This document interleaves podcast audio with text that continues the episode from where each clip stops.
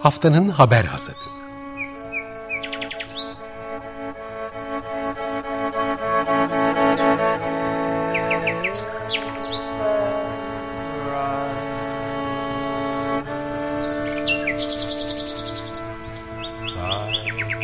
Haftanın öne çıkan iklim haberleri ve araştırmalarından okumalar ve yorumlar.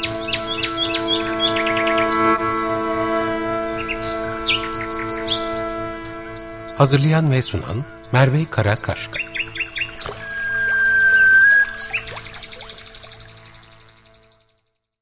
Günaydın. Açık Radyo'da haftanın haber asatına hoş geldiniz. Ben Merve Karakaşka. Önümüzdeki bir saat boyunca geçtiğimiz haftanın önemli iklim haberlerini ve araştırmalarını birlikte yorumlayacağız. Haftanın haber asatında bu hafta öne çıkan konumuz yangınlar, mega yangınlar. Ee, Türkiye'de biliyorsunuz yaklaşık iki haftadır belki daha uzun süredir devam eden yangınlar var. Ve çok büyük yangınlar, bugüne kadar görmediğimiz büyük yangınlardan bahsediyoruz. Avrupa Birliği'nin yangın sistemi, yangın bilgi sistemi verilerine göre e, Türkiye e, sezon trendlerinin epey üzerinde seyrediyor. Yangın sezonu trendlerinin epey üzerinde seyrediyor. Yanan alan büyüklüğü açısından. E, kıyasladığımızda 2008 ve 2020 yılları arasında ortalama yaklaşık 18 bin hektar büyüklükten bahsediyorken 7 Ağustos itibariyle bu sene 166.284 hektara çıkmış durumda. Bu çok ciddi bir büyüklük demek. Zaten haberler ve yaşadığımız büyük şokta e, bundan büyük ölçüde kaynaklanıyor. Şu an itibariyle devam eden yangınlar Antalya'da ve Muğla'da 16 noktada bu haber, bu kayıtlar hazırlanırken 16 noktada devam ediyordu. Çok büyük bir yangına tanıklık ediyoruz. Türkiye tarihindeki muhtemelen en büyük yangınlar olarak geçecek kayda.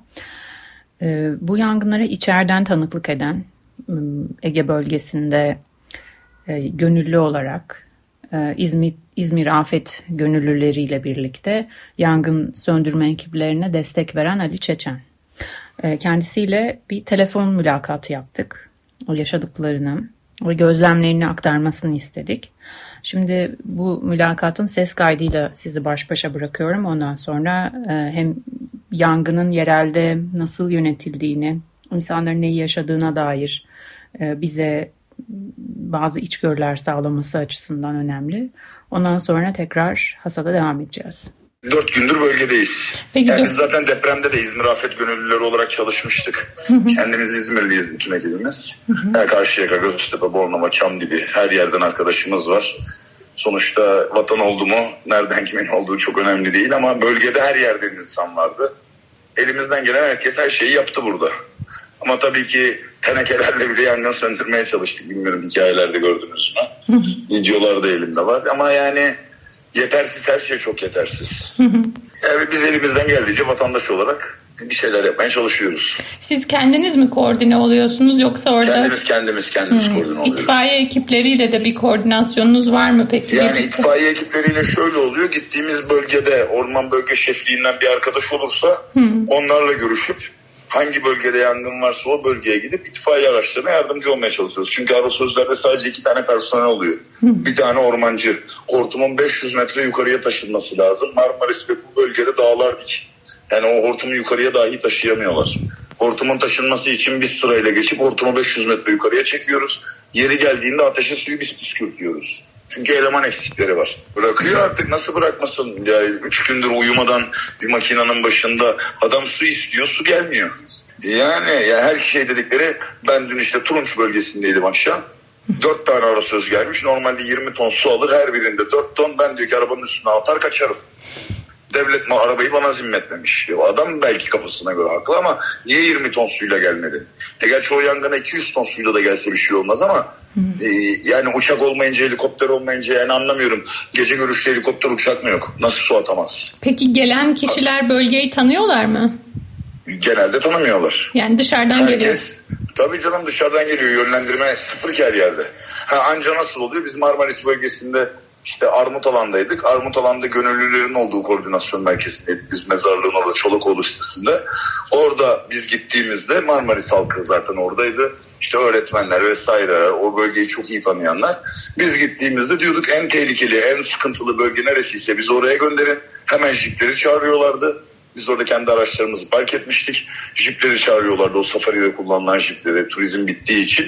Onlar bizi bölgeye nokta atışı götürüyordu. Biz müdahalemizi yapıyorduk. Arıyorduk koordinasyon merkezini. Tekrar jip gönderip bizi aldırıp başka bölgeye naklediyorlardı. Sistem bu şekilde işliyordu. Peki yani siz, halk, halk koordine ediyor yani. Siz daha önce hiç başka bir yangında bu şekilde Hayır, görev aldınız mı? Deprem bölgelerinde aldım.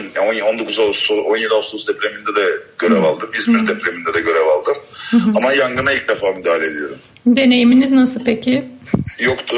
Yani şey kıyasla siz şu anda nasıl hissediyorsunuz, nasıl gözlemliyorsunuz o dehşet anını? Yani dehşet anı dediğim yani normalde zaten Marmaris hava 50 derece içeriye girdiğimizde 70-80 derece kimse kaçmadı. Herkes ateşin içine daldı. Oraklarla, tırmıklarla, yangın söndürme toplarıyla.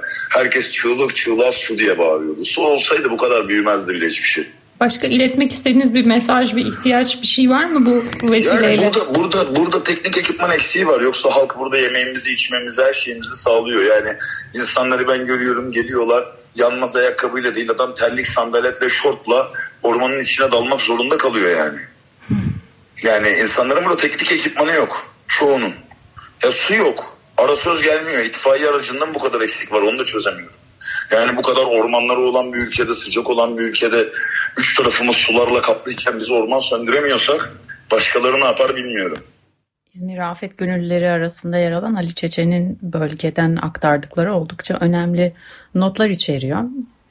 Öncelikle yangına müdahale ile ilgili şaşkınlığını zaten gizlemiyor söyledikleri ve ekiplerin aslında yetersizliği ile ilgili tartışmalarla ilgili de yorumları dikkat çekici. Bir süre önce e, İklim Gazetesi'ne röportaj veren, e, daha doğrusu İklim Gazetesi'nde bu konuyu ele alan e, Profesör Doktor Doğanay Tolunay, e, Orman Mühendisi İstanbul Üniversitesi'nde e, yangınla mücadele konusunda aslında yangın işçilerinin rolünün uçak ve helikopterlerden daha kritik olduğunu belirtmişti.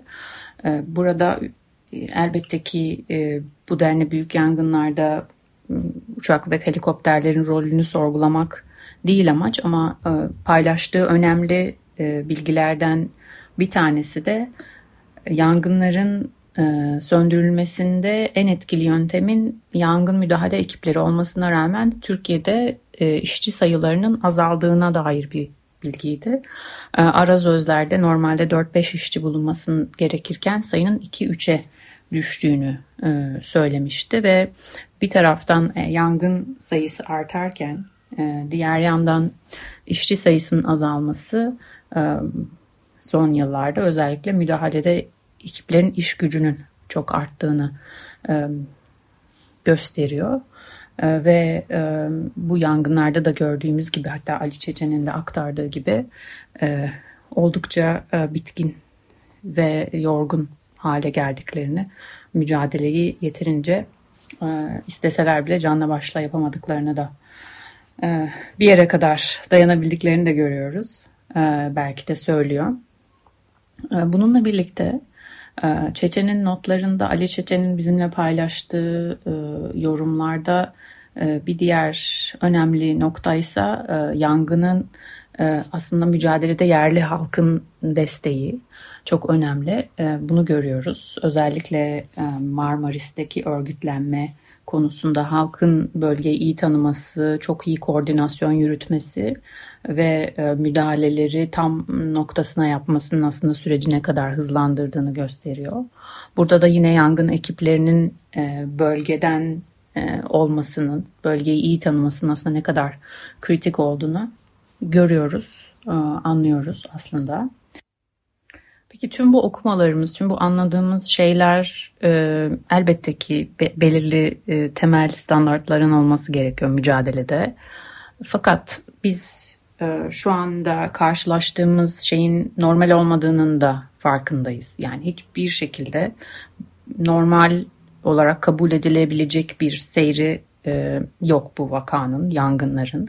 Sadece Türkiye özelinde baktığımızda anlamaya çalışmamız çok zor. Bu yüzden e, bu haber hasatında biraz daha perspektifimizi genişletmemiz, biraz daha dünyada neler oluyor çünkü ısınma küresel, kriz küresel. Dünyada neler oluyor? Biraz bunları anlamaya çalışmamız ve ona göre aslında bir yanıtımızı da bu yangınlara, iklim felaketlerine nasıl yanıt vereceğimizi belki biraz daha konuşmamız için e, farklı araştırmalar e, gündeme alacağız. E, öncelikle yangın bilimcisi Mike Flanagan, Flanagan bu olacakları yani iklim kriziyle birlikte, küresel ısınmanın tırmanmasıyla birlikte yangınların sayılarının artacağını, sıklığının artacağını öngören ve bugün yaşadıklarımızı tahminleyen bir bilim insanı olmasına rağmen yangın aktivitelerinde bu artışları bekliyorduk ama öngördüğümüzden daha hızlı gerçekleşiyorlar diyor ve şaşırdığını, şaşkınlığını belirtiyor. Yangın bilimcileri küresel ısınmayla birlikte kuraklık koşullarının dünyada yeni bir mega yangınlar çağına başlattığını söylüyorlar. Ee, mega yangınlar normal yangınlara göre daha tahmin edilemezler. Davranışlarını öngöremiyoruz ve e, bizim şu anda var olan yöntemlerimiz onlarla mücadele etmek için yetersiz kalıyor. Ee, bilim insanları son 10-20 yılda yangınlar açısından dünyanın farklı bölgelerinde birçok ilkin yaşandığını söylüyorlar. Ve bunlar artık tırnak içinde normalleştiği için yeni ilkleri de hazırlıklı olmamız gerektiğini belirtiyorlar. Ve bu da oldukça endişe verici çünkü e, bu ilklere baktığımızda yangınların kasırgaları tetiklemesi ki bu iki olayın birbiriyle bağlantılı olarak gerçekleşmesini düşünmek bilim insanları için de oldukça zormuş ve e, bilimsel toplulukları buna ikna etmek birkaç seneyi de almış aslında. Ee, Avustralya Canberra'da ilk olarak 2003'te e, böyle bir gözlem yapılmış. Ardından geçen yıllarda sık sık karşılaşılan bir mefhum haline gelmiş ve e, bu sene ilk kez Kaliforniya'da Ulusal Hava Servisi e, yangın kasırgası uyarısı yayınlamış. Bununla birlikte bir başka ilke baktığımızda e, donmuş tundraların hmm, hala adı üstünde donmuş tundraların yanmasının olasılıksız gözükmesi ama 2007'de e, Anaktuvuk e, yangınıyla birlikte e, Alaska'nın kuzey, kuzeyinde ilk kez böyle bir e, yangının çıktığı belirtiliyor. E, ve e, yıldırımların aynı zamanda e, tahmin edilemeyen boyutlara ulaşması e, tek seferde 65 bin e, yıldırımın düşüp 270'ten fazla yangını tetiklemesi 2015 yılında Alaska'da yine gözlenen bir olay. Bu da bir ilk. 2003'te Portekiz'de e, o güne kadar hiç görülmemiş büyüklükte yangınların çıkıp ülkenin yüzde altısının yanması e, bir başka ilk. Sibirya'ya uzandığımızda Sibirya'da 2010, 2012, 2015, 2019 ve 2020 yıllarında peş peşe yanan alan rekorlarının kırılması ki şu anda Sibirya'da hala e, günlerdir hatta haftalardır devam eden yangınlar var. E, Hawaii belki hiç düşünülmeyen Maui adasında ee, Hawaii adasında, Hawaii Maui adasında binlerce kişinin kurtarılmak zorunda kalması. Ee, kuzeye geldiğimizde aslında ıslak yani nemli olduğu için e, yangınlarla çok ne işi olabilir ki diye düşündüğümüz bir ülke İsveç. 2018'de rekor sayıda yangın görmüştü.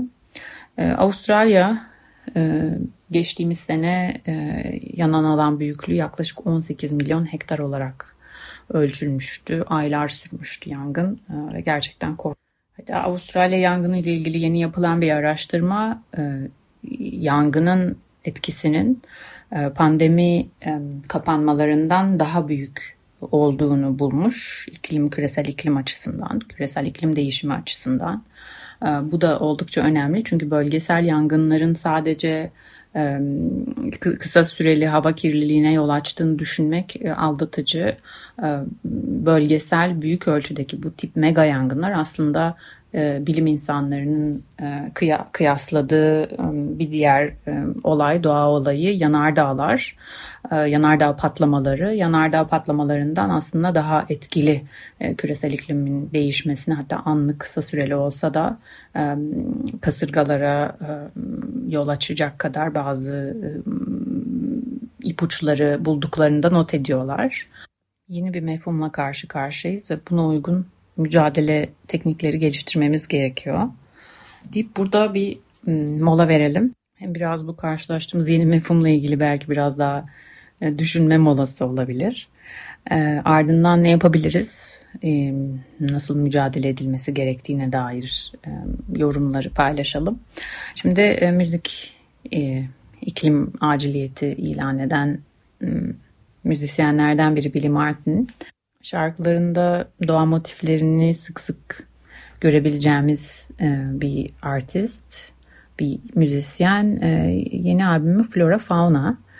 E, çiçekli bir albüm. Onunla ilgili röportajlarında iklim krizinin aslında çok da bireysel çabalarla çözülmeyeceğini düşündüğünü söylüyor.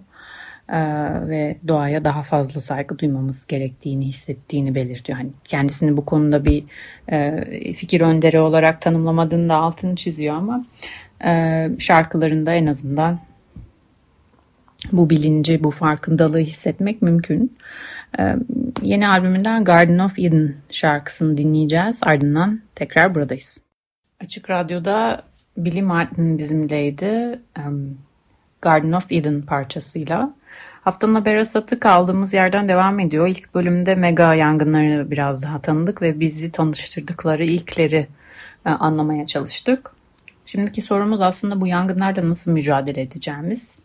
E, bununla ilgili Yale Üniversitesi'nin Yale Environment 360 yayınından aslında bir makaleyi alıntılayarak e, bazı yanıtlar bulmaya çalışıyoruz. Çünkü çok yeni bir mefhum bu.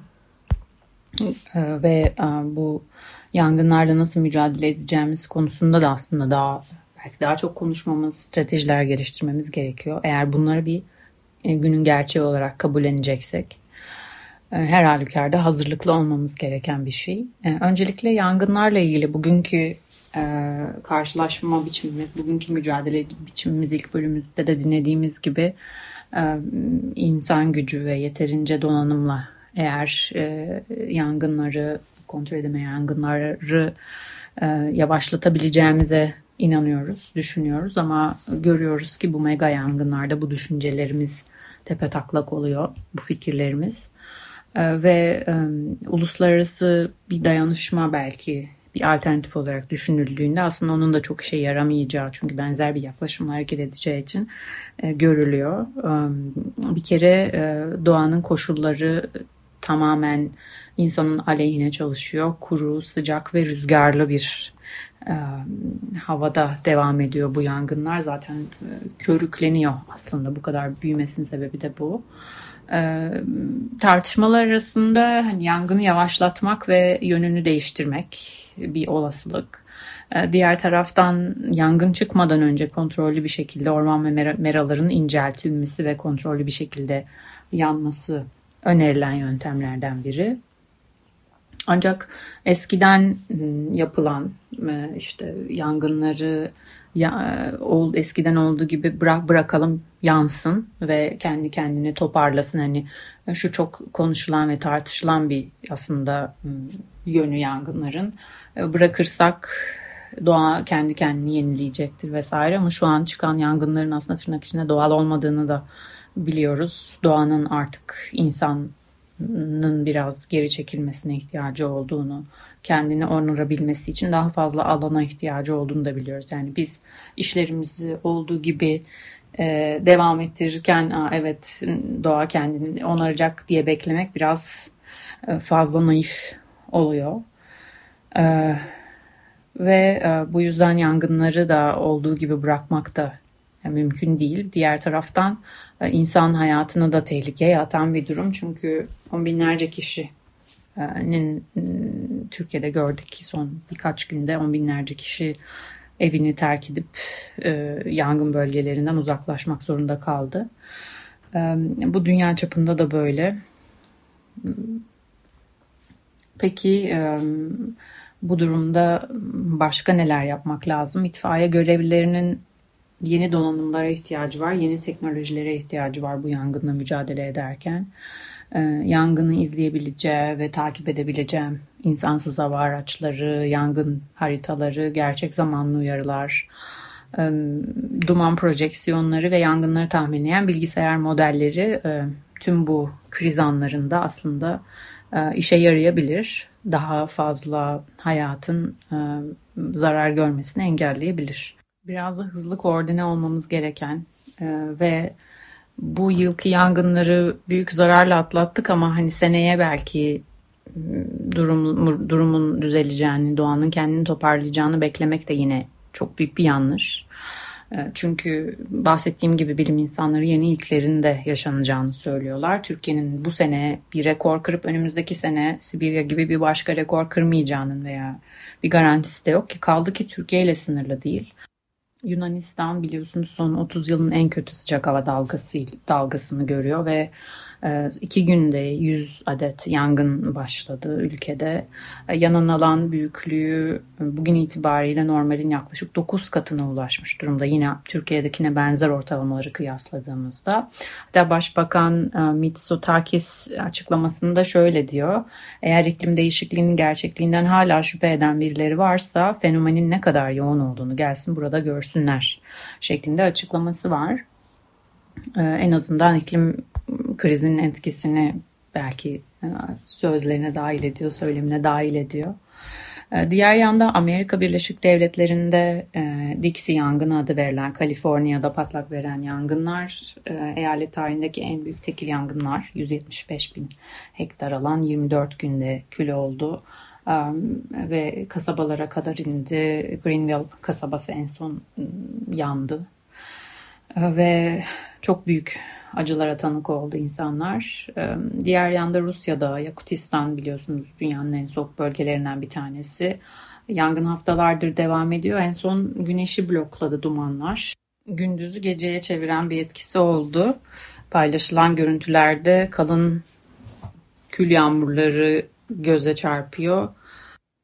Dünyanın dört tarafından gelen farklı görüntüler, haberler aslında bu yangınlarla, krizle aslında mücadelemizin ne kadar yetersiz olduğunu, e, karşımızda neyin olduğunun farkında olmadığımızı da ortaya koyuyor.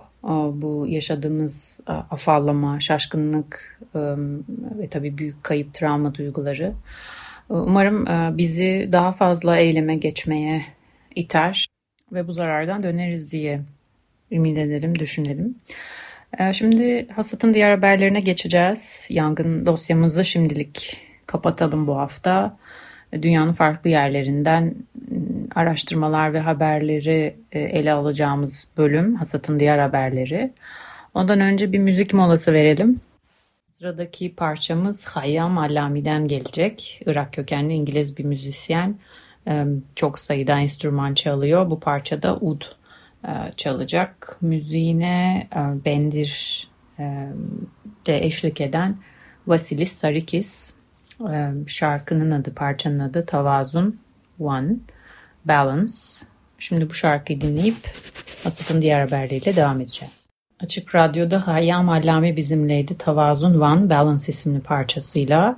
Haftanın haber hasatı hasatın diğer haberleri bölümüyle devam ediyor. Bu bölümde öncelikle 9 Ağustos pazartesi günü açıklanacak hükümetler arası iklim değişikliği panelinin yeni 6. değerlendirme raporu var. Bu merakla beklenen bir rapor. Çünkü ilk rapor 2013'te yayımlanmıştı ve bir sürü konuda bizim hala referans olarak kullandığımız bir e, rapor. E, bulgularla ilgili beklentiler bugüne kadar yayınlanmış en güçlü uyarıların olacağı yönünde. E, çünkü geçen sürede biliyorsunuz 2013'ten bu yana çok ciddi ilerlemeler sağlandı atıf biliminde. Atıf bilimini hemen yabancı iseniz biraz izah edeyim. E, doğa olaylarıyla yaşadığımız iklim felaketleriyle krizin iklim krizinin bağlantısını araştıran çalışmalara e, atıf bilimi deniyor ve bu konuda da ciddi bir ilerleme sağlandı son yıllarda. Çok daha çabuk hatta bazı araştırmalar, ön araştırmalar yapılabiliyor ve böylelikle insan etkisini çok daha net görebiliyoruz geçtiğimiz yıllara göre. E, raporun bir taslağı basına sızmıştı daha önce ve küresel iklim felaketlerinin düşündüğümüzden daha yakın olduğu, bugün doğan bir çocuğun 30 yaşına gelmeden e, çok büyük etkiler, çok büyük bir ekosistem yıkımları, çok büyük bir ekolojik yıkıma tanık olacağını daha önceden e, belirtmişti. E, IPCC raporu şimdi bakalım pazartesi günü ne gelecek. Onu da belki önümüzdeki hafta daha e, yakından inceleme şansımız olabilir. E, bir sonraki haberimiz e, yeni bir araştırma ile ilgili e, Gulf Stream dahil olmak üzere okyanus akıntılarını inceliyor. E, araştırma ile ilgili e, University of California'da iklim bilimi merkez direktörü Alex Hall e, çok ilginç bir yorumu var. Bir canavarı dürtükleyip duruyoruz ama vereceği tepkinin ne olacağını bilmiyoruz diyor. E, bu bahsettiği Gulf Stream dahil olmak üzere diğer okyanus akıntılarının yavaşladığına dair bir araştırma. E, araştırma sonuç, sonucu hakkında yorumlarını paylaşıyor. E, bu araştırmaya göre akıntı sistemindeki yavaşlama bir stabilite kaybına ve akıntının çok daha yavaşladığı bir devrilme noktasını işaret ediyor. E, Atlantik Okyanusu'nda Gulf Stream bizim coğrafya kitaplarını hatırladığımız İngiltere ve Britanya adasındaki iklimin belki daha ılıman görece ılıman olması kuzeyde. Oradan hatırlayabilirsiniz. O bilgiyle hep öğretilirdi. Ama aslında akıntıların özellikle Gulf Stream ve benzeri akıntıların ıı, çok kompleks bir yapısı var. Ve aynı zamanda Avrupa Avrupa'nın ve Amerika Birleşik Devletleri'nin de iklimlerinde önemli ölçüde dengeleyici özelliğe sahip olduğu biliniyor. Bu akıntıların değişmeye başladığı, yavaşlamaya başladığıysa çok ciddi bir alarm. Çünkü bilim insanlarının uyardığı ciddi değişiklikler, büyük değişiklikler deniz seviyesinin daha hızlı yükselmesi, ABD'nin doğu kıyısı ve Avrupa'da daha güçlü kasırgalar, Afrika'ya uzanıyor etkisi, yağmurlar orada seyreliyor, azalıyor ve hatta tropik muson sistemlerinde değişiklikler meydana geliyor. Zaten e, tüm sistem birbirine bağlı olduğu için e, etkisinin bu kadar geniş çaplı olduğu da belki şaşırmamak gerekiyor. Bir sonraki araştırmamız bu hafta e, tarımda kullanılan zehirli ilaçlar, pestisitlerle ilgili. Biliyoruz ki bütün bir sistemde çok ciddi bir tahribat yaratıyor. Bu ilaçlar sadece tozlaşma tozlaşmayı sağlayan canlılar üzerinde incelendiğinde bile aslında düşünüldüğünden daha fazla bir e, yıkım etkisi var. Yeni bir çalışma e, arılar üzerindeki etkisini inceliyor bu pestisitlerin ve bugüne kadar düşünüldüğünden iki katı daha fazla ölüme sebep olduğunu, yol açtığını bulmuş e, bu çalışma. Şimdi burada farkın sebebi şöyle açıklanıyor bu araştırmada bulunan farkın. Nature dergisinde yayınlanan bu araştırma ile ilgili fark da e, şu e, bir tek e, pestiside maruz kaldığını düşünmek bir yanılgı. Çünkü bu arılar daha fazla birden fazla pestisite maruz kalıyor ve bu pestisitlerden biri yüzde on diğeri de yüzde onsa toplamda yüzde yirmilik bir ölüm oranıyla sonuçlanmıyor. Bu yüzde otuz yüzde kırka kadar çıkıyor ve aynı zamanda arılar da sadece bütün bir hayatları boyunca ya da pestisit maruz kalma oranları düşünüldüğünde norm olan birden fazla pestisite maruz kalıyor olmaları. E, çünkü e, yeni yeni piyasaya sürülen biliyorsunuz artık e, çeşit çeşit zehir var ve bunlar hayvanlar için bu tip canlılar için kokteyller halinde satılıyor, karışımlar halinde satılıyor. Birden fazla zehirleyici barındırıyor. Ee, ve bu artık arılar için ciddi bir fizyolojik ve besleyici stres yaratıyor. Araştırmada bir not belki e, arıların bununla ilgili bir modifikasyon, bir uyum geliştirmiş olması, bu pestisitlere karşı bir direnç geliştirmiş olması mümkün ama e, bu, bu, bu tip değişikliklerin de aslında uzun vadeli etkisinin bilinmeden iyimserliğe kapılmamak gerektiği de önemli.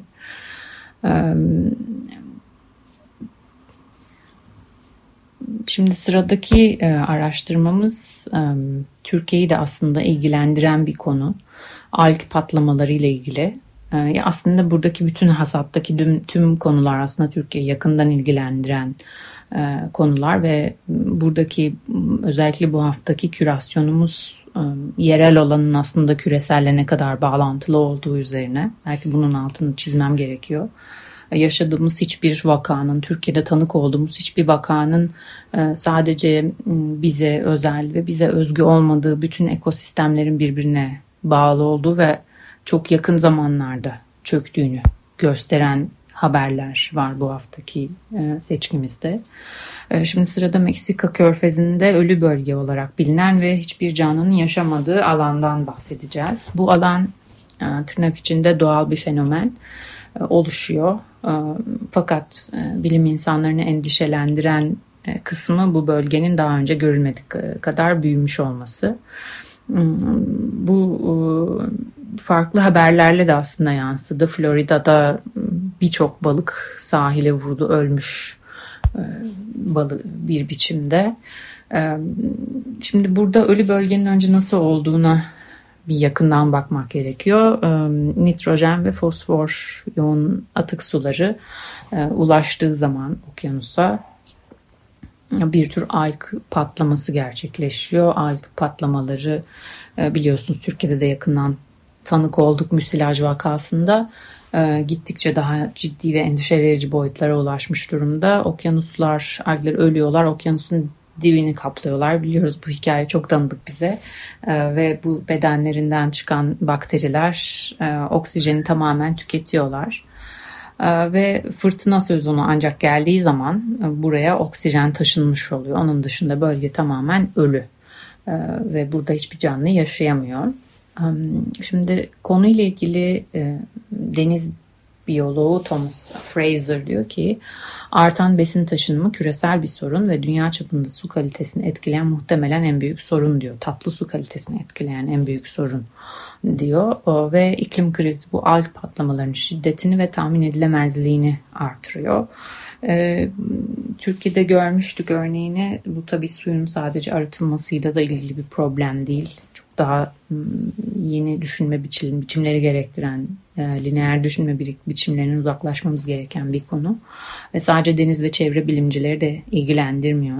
Yani, e, bu sulara e, fosfat ve nitrojen, fosfor nitrojen taşınmasında e, tabii ki tarımda kullanılan gübreler çok etkili ve toprak sahipleriyle birlikte çalışılması da bu yüzden elzem deniyor. Hasat'ın diğer haberlerine şimdi bir mola verelim. Bir müzik molası.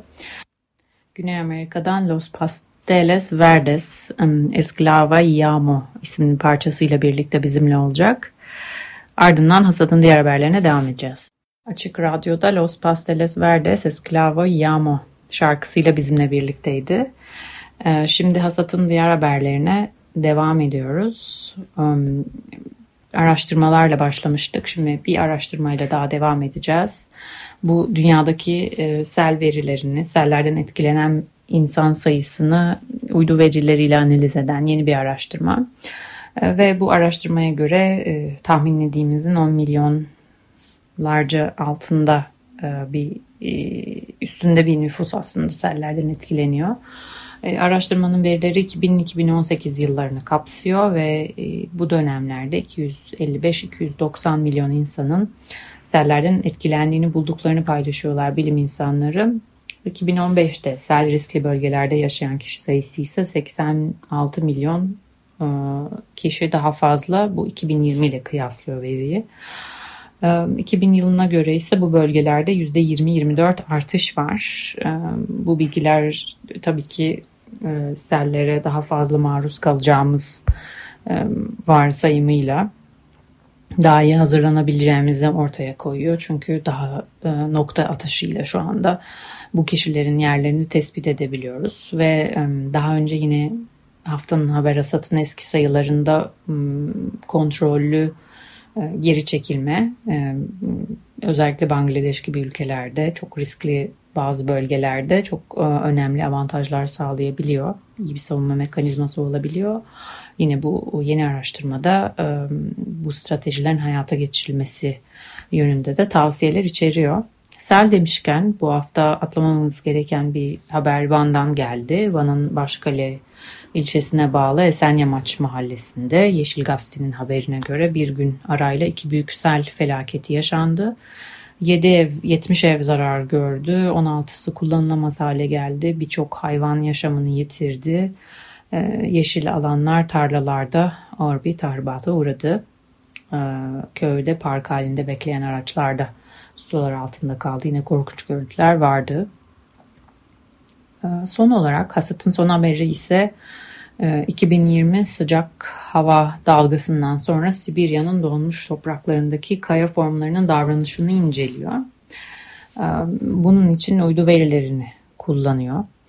Ee, ve bilim insanları şaşkınlık içindeler çünkü kayalardan atmosfere büyük miktarda metan salımlandığını bulmuşlar.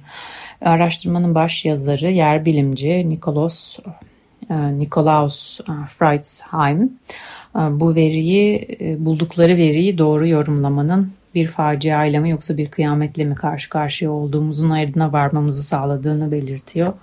Oldukça önemli bir miktarda metan salımı gerçekleşmiş. Araştırmacılar için eğer takip ediyorsanız bataklıklardan böyle bir sonuç almak belki beklenebilir, tahmin edilebilir ama kayalardan bu sonucu almak e, önemli e, derecede şaşırtıcı deniyor. Araştırmacılar bunu bir patlamaya hazır bir metan bombasına benzetiyorlar.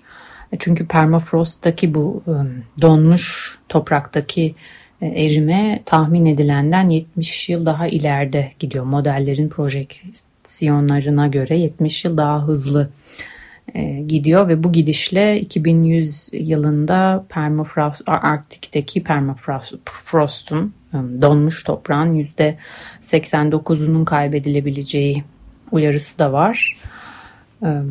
Metan biliyorsunuz atmosfere salımlanan en tehlikeli gaz ve küresel ısınmada en büyük pay sahibi olan gazlardan biri. Haftanın haber hasatında haberlerimizin sonuna geldik. Şimdi sıradaki bölümümüz Anadolu'nun ses arşivi. Biliyorsunuz burada Anadolu'da ekolojik yıkımla karşı karşıya gelen halkın e, ses kayıtlarını arşivliyoruz. Bu bölümde Saros Körfezi'ne uzanıyoruz. E, BOTAŞ'ın Edirne, Keşan'da, Gökçetepe ve Sazlıdere köyleri arasında yapımına devam ettiği doğal gaz taşıma ve yükleme limanı gemi iskelesine karşı yöre halkı aylardır mücadele ediyor. Ee, Ekoloji Birliği'nin e, haberi haberleştirdiği bilgilerden e, edindiğimize göre projeye karşı açılan davalar sürecinde yapılan 3 ayrı bilirkişi keşfinde de bilirkişi heyetleri projenin inşaat, ziraat, jeoloji, hidrojeoloji, biyoloji ve orman bilimlerine birçok yönden aykırı olduğunu ortaya koyan raporlar vermelerine rağmen projenin inşaat çalışmalarına geçtiğimiz yıl Kasım ayında başlamıştı. Saros gönüllüleri e, projenin e, liman ve boru hattı projesinin doğaya verdiği zararı e, gün ve gün iletiyorlar ve dile getiriyorlar. Kendilerine ulaştık halkın taleplerini, halkın ıı, bu ıı, proje karşısındaki tepkilerini bizimle paylaştılar. E, Saros gönüllülerine kulak veriyoruz. Ardından hasatın sonuna geleceğiz. Dünyayı yemyeşil çok güzel bulduk. Torunlarımıza, çocuklarımıza onun daha bin katını bırakmak isteriz. Bu doğayı katledenleri hasaklıyoruz. Yani çok kötü kınıyorum. Lütfen doğamıza dokunmayın. Suyumuzu, toprağımızı hibe, kimselere hibe etmeyin. Bizi de rahat bırakın. Biz çocuklarımızın yaşamasını istiyoruz. Geleceği güzel günler bırakmak istiyoruz. Küfür etmelerini bize asla istemiyoruz. Ne biçim ebeveynlersiniz? Nasıl bıraktınız böyle bir memleketi demelerini asla istemiyoruz. Çok teşekkür ederim. Dünya... Ben Şerife Poyraz. 15 senedir Sarız'da yaşıyorum. Ben burada nefes alıyorum. Koa hastasıyım. İlaç bile burada kullanmıyorum. Ne olur Saroz'a dokunmayın. Liman yapmayın. İstemiyoruz. Ne olur dokunmayın. Yapılmasını istemiyorum. Çünkü ben Sazlıdere'ye Saroz'a geldim. Onun için burada ev aldık. 17 kilometre sahil bize. Yani oraya haftada 2-3 kere denize gidiyoruz ama şimdi dolgu yapılırsa denize giremeyiz. Onun için biz oranın yapılmasını istemiyoruz. Şu anda bile balık getirip satıyorlar burada. Taze taze denizden getirip. Onlar da büyük bir olasılıkla olmayacak. Dolayısıyla denizin doldurulmasını istemiyorum. Olduğu gibi kalsın. O güzellikler yok olmasın. Buranın havası temiz. Yani biz Mar Marmara'yı niye bıraktık geldik? Sazlıları temiz diye geldik. O bari temiz kalsın. Ereğli'de e, böyle dolum istasyonu yaptılar biliyorum ben. Kayınpederimin orada yazdığı var. Şu anda Ereğli'de denize girilmediği gibi Ereğli'deki insanlar da hep e, Ereğli'den kaçıyorlar. Yani orada gümüş yaka var. Ereğli'yi bırakıp gümüş yakaya gelen çok kişi tanıyorum. Hı hı. Oraya büyük gemi gelip yanaşıyor. Dolayısıyla denizin hiçbir anlamı kalmadı. Açık Radyo'da haftanın haber asatından Anadolu'nun ses arşivinde Saros Körfezi'ne uzandık. Buraya da devam eden FSRU Liman ve Boru Hattı projesinin e, karşısında halkın tepkilerini dinledik. Haftanın haber asatının son bölümünde e, yaratıcı işler yapan insanların yenilikçi e, işlerini, umut ve vadeden işlerini ele alıyoruz. Bu bölümde tasarım mezunu Kukbon Kim bir e, özel bir boya geliştirmiş ve bu boya hem e, iç hem dış mekanlarda kullanılırken aynı zamanda karbonu tutuyor. Ağırlığının %20'si kadar karbonu emdiği, tuttuğu söylenen boyanın her 135 gram başına 27 gram karbondioksit de bulabildiğini söylüyor Kim. Ve bu da bir ağacın yıllık karbon tutma kapasitesine eşit diyor. Kar boyanın yapıldığı malzeme de atık haldeki beton tozları normal koşullarda bu e, atıklar e, toprağa gömülüyor ve toprağı alk alkalileştirerek ekosistemler üzerinde ciddi tahribat yaratıyor. E, beton başlı başına karbon emisyonuna sebep olan bir malzeme zaten ve karbonla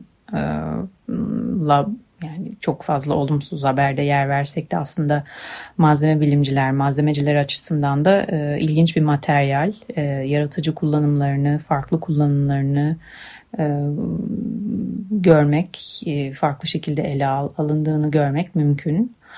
E, deyip haftanın haber asatını bitiriyoruz. Bizimle olduğunuz için teşekkürler. E, bize her zaman e, geri bildirimde bulunabilirsiniz e, İklim Gazetesi'nin Açık Radyo'nun kanallarından e, ulaşmanızı e, isteriz. Kendinize çok iyi bakın. Haftaya görüşmek üzere. Hoşçakalın.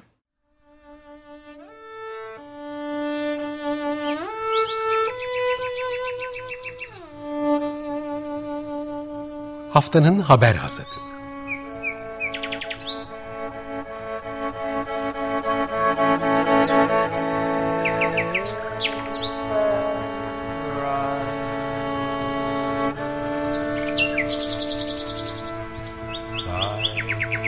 Haftanın öne çıkan iklim haberleri ve araştırmalarından okumalar ve yorumlar.